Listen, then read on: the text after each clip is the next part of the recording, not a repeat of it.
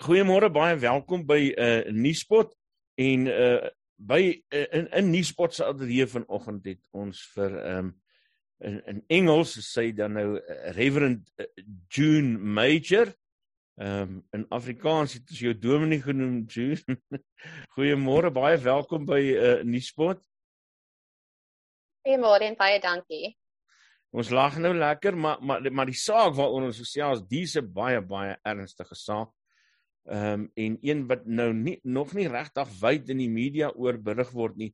Ehm um, June ek uh, gaan net so vinnig noem en dan kan jy nou maar die besonderhede invul. Uh maar June is 'n predikant in die Anglikaanse kerk en sy is deur 'n kollega verkrag en ehm um, dit lyk asof die Anglikaanse kerk se top bestuur probeer om hierdie saak uh, onder die mat in te vee terwyl sy uh, probeer om geregtigheid te kry. June uh, gee bietjie vir ons meer besonderhede oor oor wat gebeur het. Wat is dit? Waaroor is dit wat jy op die oomblik in die hof is in stryd met die kerk? Baie dankie. And as I said, I hope you don't mind me speaking in English because my Afrikaans is not that well, so I'll just do it in justice as I speak. So I was raped 18 years ago by a priest within the Anglican Church of Southern Africa. I informed my bishop about it shortly afterwards, and he had told me to remain silent for the sake of the church, to protect the name of the Anglican Church of Southern Africa, because it is such a massive, big institution. He also said that I should consider my rapist and his family, his wife, and the fact that they recently lost a child, and that basically told me that I have taken a vow of canonical obedience to my bishop on my ordination. And so I need to do what he's telling me to do. And I need to keep silent because it's not about me. It is about the institution, the Anglican Church of Southern Africa.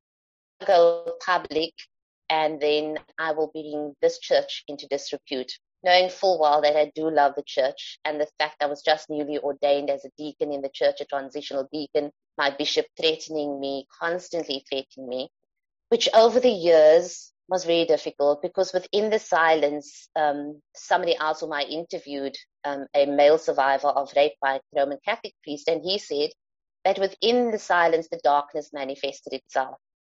So as I remained silent, it literally honestly ate away at me. It, I had nightmares. It, I had triggers. I got migraines. It really mm. affected mm. me. It was so hard ministering in the same diocese as my rapist. Um, and I constantly being silenced. And, and I'm saying this because people always say break silence. To me, it was I had to break the fear before I could break the silence because I was fearful of my bishop. I was fearful of this institution that was threatening me. And so often people say break the silence and you have to first break the fear. And it took me a long time. I was a single mother. It took me a long time to actually come to the point where I had to break the fear. To a point where in 2014, I think, I told my bishop I need to move to another diocese and I first need to go on holiday. And he agreed with me, everything was fine. And when it came, and then I reported the rape eventually. I found the strength. And when I actually found the strength was that a family member of mine's daughter was raped and by another family member of his. And and I told him, you need to report the matter. And he said, but it's family. We can't put the family in disrepute. And then I took a step back and I thought, I'm being hypocritical. How can I, a family member, report it even though it's family? Yet I'm doing the same thing. I'm silent because it's the church and mm-hmm. because I'm being told to be silent and to protect the church. So many of us do that. We keep quiet to protect the family, to protect the church.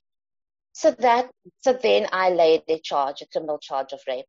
I was, uh, it happened in Makanda on the property of the Anglican Church, the college in Grahamstown, which is now called Makanda. Um, it happened there. So, so for a long time, I never went back to that house where it happened.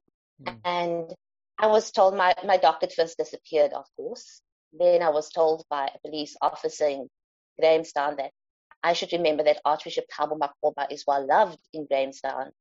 When that was said, I knew that I do not stand a chance. Um, my witnesses, the ones whom I told, are all priests today. So they too remained silent out of fear of losing job. So when I broke the silence eventually, it was a tough journey for me because they literally crippled me financially. So when I received an offer for a job and I applied, the interview was accepted, my bishop withheld my papers, which meant I could not work. I could not apply for a post anywhere as a priest. And that is basically my whole, most of my life has been in, you know, in priesthood. Um, so I could not apply for a post and eventually my money ran out and I had nothing. I started selling my possessions. I sold my furniture. I sold my car just so that I could pay for rent where I was staying and for food. And eventually there was nothing more left to sell. I made an urgent appeal to the Archbishop, which fell on deaf ears, absolutely deaf ears. So in 2016, I went on a hunger strike outside the offices of the bishop, the then bishop in Zonnebloem. And it lasted seven days in an urgent appeal to actually get the Archbishop to speak with me, to actually instruct the bishop to give my papers. So on day seven, he eventually came out um, and he spoke with me privately. He wanted to speak privately with me. He had pen and paper, made certain promises, of which he never kept a single one. He said he'd meet with me. He never did. In fact, I had a meeting with the bishop at the time. He's retired since last year and with the dean of the cathedral in the one in their legal offices. And then I took an attorney with me, and I'll never forget that day. I just finished hunger strike. I looked my bishop in the eyes, and the one thing his attorney said to me was that I need to remove my Facebook posts because it's bringing, it's putting his family, my bishop's family, in a very difficult situation, and they are being embarrassed by it. And I said, I will not because I also have a family. I have a son and he sees me suffering at the hands of the church. I remember looking my bishop in his eyes. I said to him that I'm appealing to the God conscience within him. I told him I'm a single mother. I have no husband to support me. Without an income, without a job, I'm basically on the streets. And I also said to him, I'm appealing to him as a man who's married to a woman who's got a girl child to know that South Africa is in the midst of a femicide. It's not safe for women on the street. He looked me straight in the eyes and he said, no, he won't give it. That's when I wrote on a piece of paper to my attorney and said, I cannot do this. Let's go the civil route. So that's when I started a civil route to actually sue the church for loss of income. My life since then has been pretty hard. I've not seen the Archbishop for four years, from 2016 to 2020. In that four year period, I literally, when my money was up, I literally honestly ended up on the streets some nights. I literally lived on the streets at times, just walking the street where I had absolutely nowhere to go to. Um, and I'll never forget one night that I used to have a silver chain around my neck, a cross. And one night I never ate, I think, for about three or four days. And I was walking, it was raining, it was cold. And I came past this group of homeless people. And they had a little galley, you know, with a fire in the tin, whatever. And the one man cautioned me to come. And Stan was an elderly man. I'll never forget that. And I came there and I was hungry and he had, he was eating moldy bread and I stood by the fire and it warmed me up. Another young guy ran past, pulled my chain off my neck, but luckily it broke and it fell down my top. This man then gave me a slice and it was an elderly white man with a beard. I'll never forget his face. He had white beard and hair that was white and black. And he gave me a slice of his moldy bread. And I looked at it and I saw the mold, but then I saw this man eating his bread and I thought, you know what? It's good enough for him to eat this. And he, not my bishop, not my, not my fellow clergy who know I'm homeless, who knows I'm mm-hmm. hungry, who knows I have nowhere to go, not my bishop, not my archbishop, but this homeless man has given me a slice of his last, of his bread, as moldy as it was. I ate it and I honestly just swallowed and um, and it actually filled me.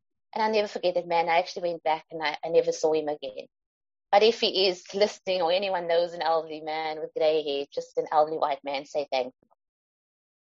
So I ended up there. I eventually then went to KZN. You know, stayed in a shelter, a filthy, dirty shelter. That's when I first discovered bed bugs for the first time in my life. My son suffered tremendously. He was working. He wasn't working at the time. He was young. He was still studying. Times he had to sleep in his car. He had an old car. He eventually had to sell it. He stayed by family members of mine. And it was tough on him as well. It was really hard. and the fact that I'm divorced and my son, you know, from an abusive husband and father to my son, being separated from my son was the worst pain this church could have put on me, in all honesty. So, in for these four years was tough. I eventually found a job in Durban at a low income lodge, um, where it was the people that came in with drunk. I got beaten up a few times. At once, I was held up at gunpoint during the night where I was tied up with cable ties, where I was beaten in my face with guns, AK-47s. They tried to rob us. I, in an attempt to escape, I fell on metal rods that that kind of caused friction and it caused flames. So underneath my makeup, my face is kind of it's burnt. It's got dark brown blackish marks, which I can't. I don't even go in public without covering it up, which is a constant reminder to me. So I suffered a lot. COVID happened, and of course, I was once again without work. And so in 2021, being again without work, you know, I'm, I'm very 52. I've been applying every, sending my CV out for work, going from place to place, people taking me in, moving from place to place, not knowing how I'm going to pay my rent, going without food. 2021, the 1st of July, I then went on another hunger strike outside the Archbishop of Southern Africa's premises in Bishop's Court. And I first thought, gosh, as Bishop's Court, those people are probably going to phone me. Those are wealthy people. I pitched a tent. Somebody gave a tent on the pavement there. And I thought those wealthy people are probably going to phone the police for me. But to the contrary, they were actually very kind. My neighbor actually offered me a go and shower every day, used the bathroom, brought me a hot water bottle every night. And so being outside there on the first day of my hunger strike, the Archbishop was very cold he was actually quite vicious in his response. And I said to him, I have absolutely nothing. I have no income. I need to have a job. I need my papers. I also said to him, I'd like an internal investigation to what to what my rapist had done to me. And this time, and he said, yes, it will be done. And I said, no, this time I want it in writing because the last time I took your word for it and, and you did not come through. And then again, I was a week on hunger strike and he gave me the link for Safer Churches and I applied and that was last year, July. I, I started the process with what's called the Safer Churches process. But I just want to say before I actually go to that part that when I was on hunger strike in 2016, you know, I have amazing stories in the pain that I was in in Zonnebloem. Um, a, fam- a community in the in the in Zonnebloem had made a massive banner which said just, um, you know, Reverend June Major on hunger strike. So the, the bishop's offices was also on the grounds. There's, there's a primary school and a high school in Zonnebloem. And how God worked was just amazing because one day a little child, and it's children from the townships, you know, like Khayelitsha and all those places, a little child in primary school came to me after school, whole day. This child kept their lunch in a lunchbox brought it to me and gave it to me. And I said, What is this? And this child, in pure innocence, pointed to the banner which says Reverend June on hunger strike. Saw the word hunger, did not understand what hunger strike was, but identified with the word hunger and mm. said, This is for you because you are hungry. That blew me away. And I had to sit this child down and said, I'm okay. You eat your bread. I'm okay. Another primary school one came to this one man, Buddha Aslam was with me, every day watching me, protecting me. And this primary school child came and gave him a few cents. I'm not sure it was the 20 cents or 50 cents. but there were people selling sweets outside. And Buddha Aslam said to the child, I'm not selling sweets. And the child said, this is not for sweets. This is to say thank you for looking after the auntie. And another high schooler comes and says, can I pray for you? And in the middle of this hunger strike, this teenager lays hands on me and prays for me. So I was so blessed. And I realized that if only we be like children. And here I am as a priest up against an institution who's supposed to be speaking about faith and God. But they are not the ones feeding me. It's the little children. It's the homeless. And Jesus says, when I was hungry, did you feed me? And here the hungry is actually feeding me. The child is actually feeding me who is in a state of poverty. And so it touched me deeply and it moved me deeply that to this day, I have a very soft spot for, for homeless people because you do not know this story. I too was homeless. So 2021's hunger strike, I eventually told him, no, Archbishop, until you put it in writing, will I believe you. He put it in writing. The process started. It's been a long journey since July. Every time it's been in my, I had my Zoom interview with Safer Churches in October last year, in which they said when the board of preliminary um, inquiry is done, I may go, I can go public. At that stage, I can go public with the name of my rapist, which brought me to about February month. Again, they postponed it, said I cannot go public. I need to say that after I started this process for years and years and years, and as a rape survivor, rape is a lifetime sentence. It honestly is a lifetime sentence put on the survivor. So last year, October, I decided with a group of ladies from One Billion Rising, five of them went with me. I wanted to go back to my crime scene, where to that particular house in which I was raped. It was the house which was the dean of studies at the time of the college. It was him staying there. But over the years, it changed and it became student residence. So these five ladies went with me and I told them I'm going to get some flowers. Somebody was kind enough to buy me flowers to, um, because I never had, I don't have an income. So they bought me flowers, went to the, and I said, I'm not going inside the house. I cannot do that. As we came to the house, it looked very dilapidated because it was no longer in use and it was literally falling apart the ladies and I were chatting outside and we were talking. And as they were talking, I somehow found myself walking to the house because my stomach was turning on the inside. I'm sorry if I'm emotional now. But as I went inside that house, it looked, um, they made some changes because students were there. So they wanted off some of the, the places, the rooms. But I went into that room. And on that dreadful night, I could not shout. And at first I thought it was because the children were in the house. But it's not. I literally went numb. And as I was in that room, I felt that same pain of that night. That house inside was falling apart. It was moldy and it looked to me, it symbolized old and the rot within the Anglican church right now as it's falling apart. I went into that room and I couldn't shout. I tried to scream the name of the ladies that were with me or one of their names and I couldn't. The words couldn't come out. I fell down and I literally had to hold onto the wall and crawl out into the passage because I felt like that night where nothing could come out. I could not scream. In the passage, I broke down. I wept and I wept from a pain so deep that I've cried many nights, but I've not cried so deep from my soul, from the depth of my being. And I wept and I wept. And I still could not call a name to come and help me. I could not shout Lucinda, Latifa, Yolanda. I could not call their names. I was just numb. As I wept, I heard someone calling Latifa, calling my name and said, Reverend June. I could not answer. I could not respond to say, I'm here. And in the passage in front of that room, I was crying. Somebody held me. I found out after it's because somebody, one of the ladies then recorded it. And I'm actually glad they recorded it because it shows me moving from pain to power. As she held me, I wept, and then another person came and held me, and she started praying for me quiet, softly. And as she prayed softly, I, realized, I recognized the voice. It was that of Lucinda Evans. And as she prayed for me, I realized that I'm not alone. That night I was alone. But today, as they were holding me, I realized that these women are with me now. I'm not alone. And as she prayed, coincidentally, the name of the college is called the College of the Transfiguration. That's the Anglican Seminary in Grahamstown. As Lucinda softly prayed for me, I felt myself being transfigured. I literally, at that point, only that point, after 18 years, at that point, I was able to transition from pain to power. At that point, I took my power back. At that point, I is not going to control me. That room that that helped, that was the the nightmares. That room was where all my nightmares began. Will no longer have power over me. So I took my power back. Just to say that many survivors of rape have committed suicide or attempted suicide because it becomes so painful.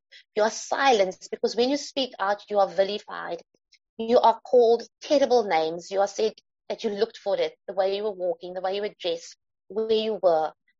No one's going to believe you because he's a priest, etc. So, so I've I've ministered and I've counseled a lot of people who've come through rape, who attempted suicide. Even a 12 year old boy three weeks, sorry, three months ago, a 15 year old girl was slashed her wrist in a third attempt to commit suicide because the rapist is out on 1,000 Rand bail. So, so I, I also attempted suicide when I knew I was going to face the streets and live on the street. I had nowhere to go. My son was still a young person and he, he had no place himself to live. So I too attempted suicide and I had to ask God to forgive me. A friend of mine phoned and I got saved at British Care Hospital. And I had to ask God to forgive me. I had to ask my son to forgive me. I had to, I'm still struggling to forgive myself, but I, I will never ever do it again because the thought of my son being without a parent because he has an absent father, I cannot live with that. So that is what victims and survivors of rape do. You take that pain and your perpetrator continue to have power over you. And it was only last year when I took my power back, moved from pain to power. And coming back to Cape Town, again, I continued the fight. The process with Safer Churches has been a very frustrating process. It gets postponed after postponed. I have to constantly email. They take a while to respond. And in this whole process, and so eventually, the present bishop had emailed me with a timeline and said once these processes of 14 working days, 20 working days has been completed, then I can go public with his name. I emailed him back and said, I will honor only this timeline because there's been too many delays. And for, and my priest, my rapist continues to minister to this very day. Yet my papers are being withheld and I'm still unemployed. I send my CV out every single day. COVID doesn't help. I'm still unemployed. My rent is due this month. I don't even know how I'm going to pay it. So there's always the fear of, am I going to go back into a shelter? You know, COVID has affected my son as well. He had to move in back with his in-laws. So he's not on his own either. And so how do I face all of this? And so I said to them, the 12th of March is the date, according to this timeline, Bishop, that you've given me that I will go public. And I will only on timeline and no delays. I sent that email also to Safer Churches. And I said the 12th of March, I'm going public with his name, which I did. Safer Churches emailed me, I think the day before the time, saying that there's been an extension because his attorney had requested an extension. Again, the rapist gets preferential treatment. Again, the fact that I said I will not accept any delays is going on since July last year, the application. Again, he got preferential treatment. So I said I will still go public, which I did. I chose to go public on the steps of St. George's Cathedral because that is where I was ordained. Yeah. I went public there, and um, the backlash has been that my rapist, and that's why I was in court yesterday, my rapist then applied for a gag order and a cost order. And so my fights are appeared in court yesterday. So what he had done, his attorney, Bloomberg attorneys, had sent me an email on Friday, 26 minutes past four in the afternoon, outside of court hours, over a long weekend. So the long weekend we had Monday a public holiday, yeah. telling me I need to give my opposing response by Wednesday at 10 a.m. I gave my response at Wednesday about five. And then when I came to court yesterday, it gave me one day. There was no time for me to even try and get legal representation. Mm-hmm. So when I came to court yesterday, the attorney says to the, the judge that the fact that I only responded at five o'clock to say that I will oppose, she takes it to mean that I'm not opposing. So basically what this rapist then does, they rape you, they apply for a gag order and then for that gag order. And that is unacceptable. So I went to court, and um, the other the judge had then said that you know I said I will. I, I did not have time to respond because she gave me one day in which to find someone, which I was not able to do. And then he said to me, um, an offer was put on that we come back to court on the 24th of May, but within that interim, I personally will not mention his name on my personal Facebook account and on my justice account so that I have, and then the 24th of May, I have a time to come with an attorney or an advocate to properly argue the case. And this case is so important for me because, and I agree to it because it is important to me, this case. Because if he agrees, if he, if he's successful in his gagging order, then what are we hmm. saying to all survivors of rape? That you are not allowed to speak out. He's using the system, he's using the constitution to continue to rape us. So I have decided that if this gagging order is issued on the 24th of May, God willing, I will be in contempt of that gagging order. I've got this time in which to prepare. I do not have an advocate. I'm being making an appeal for pro bono or an organization to actually cover his or her costs to fight this matter because it's not just about me. It's about every survivor out there. If I give up, I've received endless messages from people saying, I'm too afraid to go public because this will happen to me. So that has been my appeal. I, last year, August, on Women's Day, um, the ladies of One Billion Rising had decided to have a panty demonstration where they hung new panties on the fence at Bishop's Court in protest. And I remember it was it was raining that day, and a reporter was interviewing the the head of One Billion Rising SA and asked why panties. And when that question was asked in the day, and I actually burst into tears because one of the and the reason why panties were um, was because one of the questions detective asked me was, what panties was I wearing that night? Mm. And and that is just the way in which you are questioned. And at that moment, when the reporter asked the question, I realized that basically the, the last thing between you and your rapist is, in fact, your panty. And the fact that a detective even asked me such a question was just so sick because bottom line is it makes no difference. The door was closed. It was in the privacy of a room where I found myself in and he had no right to enter that room. So the other lines of questioning was quite sick. And, and certain senior clergy persons within the church were offended by panties and not by the rape mm. and had mm. called me satanic, diabolical, that the church must doom me to hell. And, and that, and I can say his name, it was Reverend Barney Pityana, because he had publicly posted, he had said it to the Cape Times and it was headline news on the lamppost, the poster saying, Reverend doomed to hell. And and they supported him. So now I find myself, Safer Church has put out a press release yesterday or the day before, trying to explain why they done the extension, saying that the canons does allow for extension, but they do not say that I have been extending for so long, and it's been happening since July last year, and that I did in fact say that I will not accept any more extensions. So this is where I'm at. So the 24th of May, God willing, if I do not find any legal representation, I've got a month before the 24th of April to give my opposing um, response to, to the court. I will then have to have a quick study on law to train and equip myself so that I do not do an injustice to other rape survivors because this case will set precedent either for the perpetrator, perpetrators or for the survivors. And I am fighting to set precedent for the survivors. You know, I'm appealing even to the president of this country because at the end of the day, we have wonderful rules and laws in place on paper, but in practice, it's not being implemented. In practice, we as survivors are not being protected. We need the laws to be changed. A gagging order should not even have come to the court to be accepted by a perpetrator. So precedent will be set. And I'm saying today, I will not on the 24th of May 2021, if precedent is set that rapists can get away with gagging orders, I will be in contempt of court. If it means that I will be arrested, then so be it.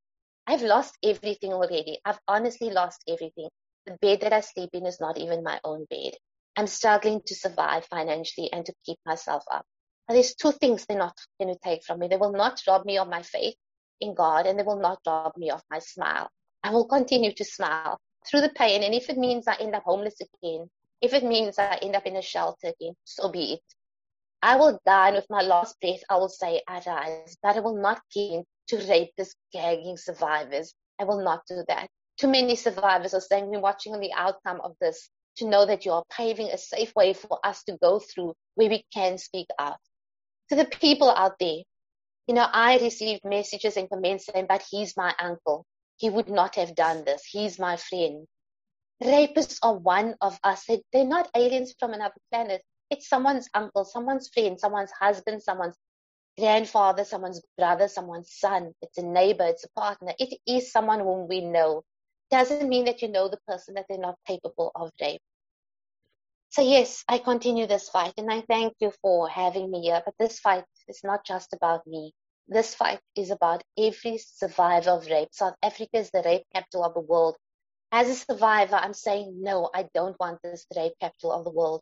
Because as I'm speaking now, someone is being raped. Within the Anglican Church Southern Africa, women are being raped, but boys have been raped for decades and decades and decades. And those priests continue to minister. I was in the West Coast with one Billion Dizing two weekends ago. And while I was there, an Anglican priest sent me a WhatsApp message saying, while you're in the West Coast, go to Laaiplek. Because at St. Christopher's Chapel, boys were lured there and they were raped by the priest. So we went to Laaiplek. And as I went inside the church grounds, there was a school and I realized those boys at that school were probably raped for so long, my the previous bishop said, I'm crazy, I'm making up the stories that no boys have been raped, that I've not been raped to protect the name of the church. So myself and another lady went in and she recorded me speaking there. The other three ladies were on the outside and a man joined them from the area. When I came on the outside and joined them, this man, they told me that this man had just said that there was a priest here, and I can say his name because it's been in the public. Reverend David Daniels was deceased now.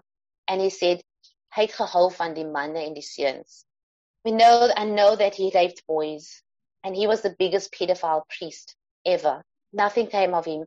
He raped the boys and then he just moved into another church. He was in Laaiplek, he was in Blackheath, and wherever he went to, every church, he raped the boys. Those boys are men now. He's not the only priest who raped the boys. Those boys are men now. They are too afraid to stand up against this institution because look what they do to you when you stand up against them, when you stand up against rapist priests. For years, they've been protecting them. Last year, on the 24th of September, Archbishop Thabo Makgoba gave a press statement on the day when I celebrated the 15th anniversary to my ordination and I had a service. He gave a press statement confessing that the church has, the Anglican church has been complicit to gender-based violence within the church. He also confessed that male priests have protected and covered up perpetrators to protect the name of the family. He confessed that. And that is exactly what happened to me. It took me two hunger strikes to get the church to that point to actually make that confession. But after making that confession, he continues to silence me to protect the name of the church. So how does that confession actually, how does it bear any strength when you're continuing to do it? The Archbishop, since my hunger strike in 2021, has not reached out to me again. He knows I'm unemployed. He's not offered me a slice of bread. Some supporters have reached out to him by email and saying, listen, Reverend June does not have a place to stay. Can you give her one of the vacant rectories? He did not even respond to that. He has not offered me communion.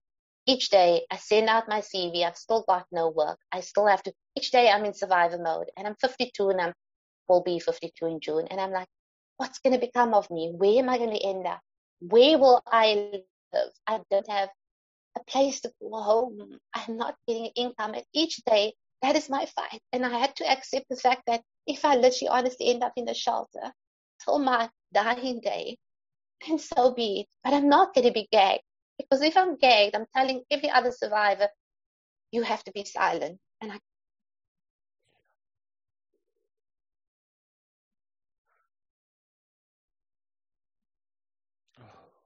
Mm. This is not a good start for the day. Um, I'm sorry. I'm so sorry. Um, yes, I can't even talk now. Um, but um, sure. Thank you for sharing your story. And um, um, oh, June. Um,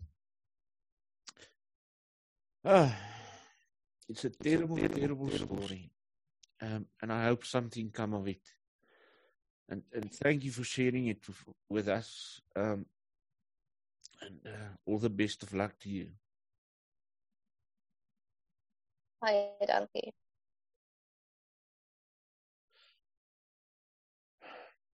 Mens weet nie wat om te sê in die aangesig van soveel vergryp um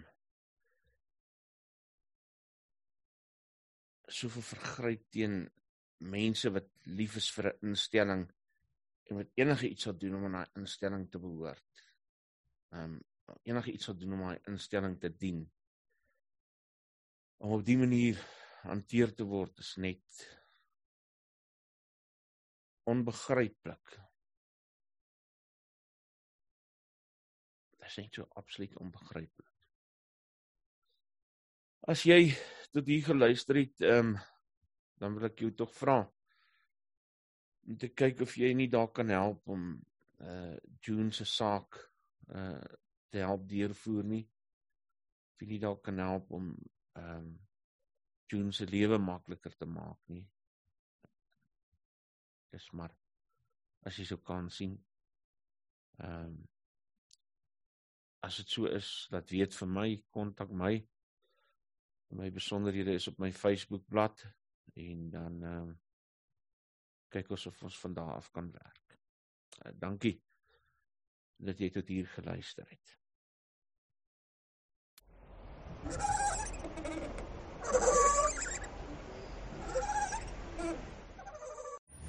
Verkeersboetes behels meer as 'n klein ongerief met minimale gevolge. Jy kan 'n kriminele rekord kry of probleme teekom as jy jou rybewys of motorlisensie hernie en die metropolisie kan jou by padplekades lastigval om die boetes te betaal.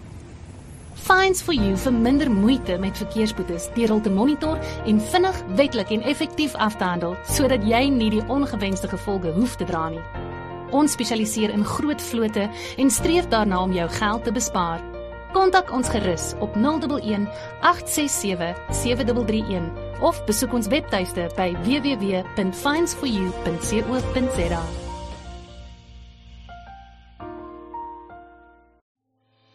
Nispod.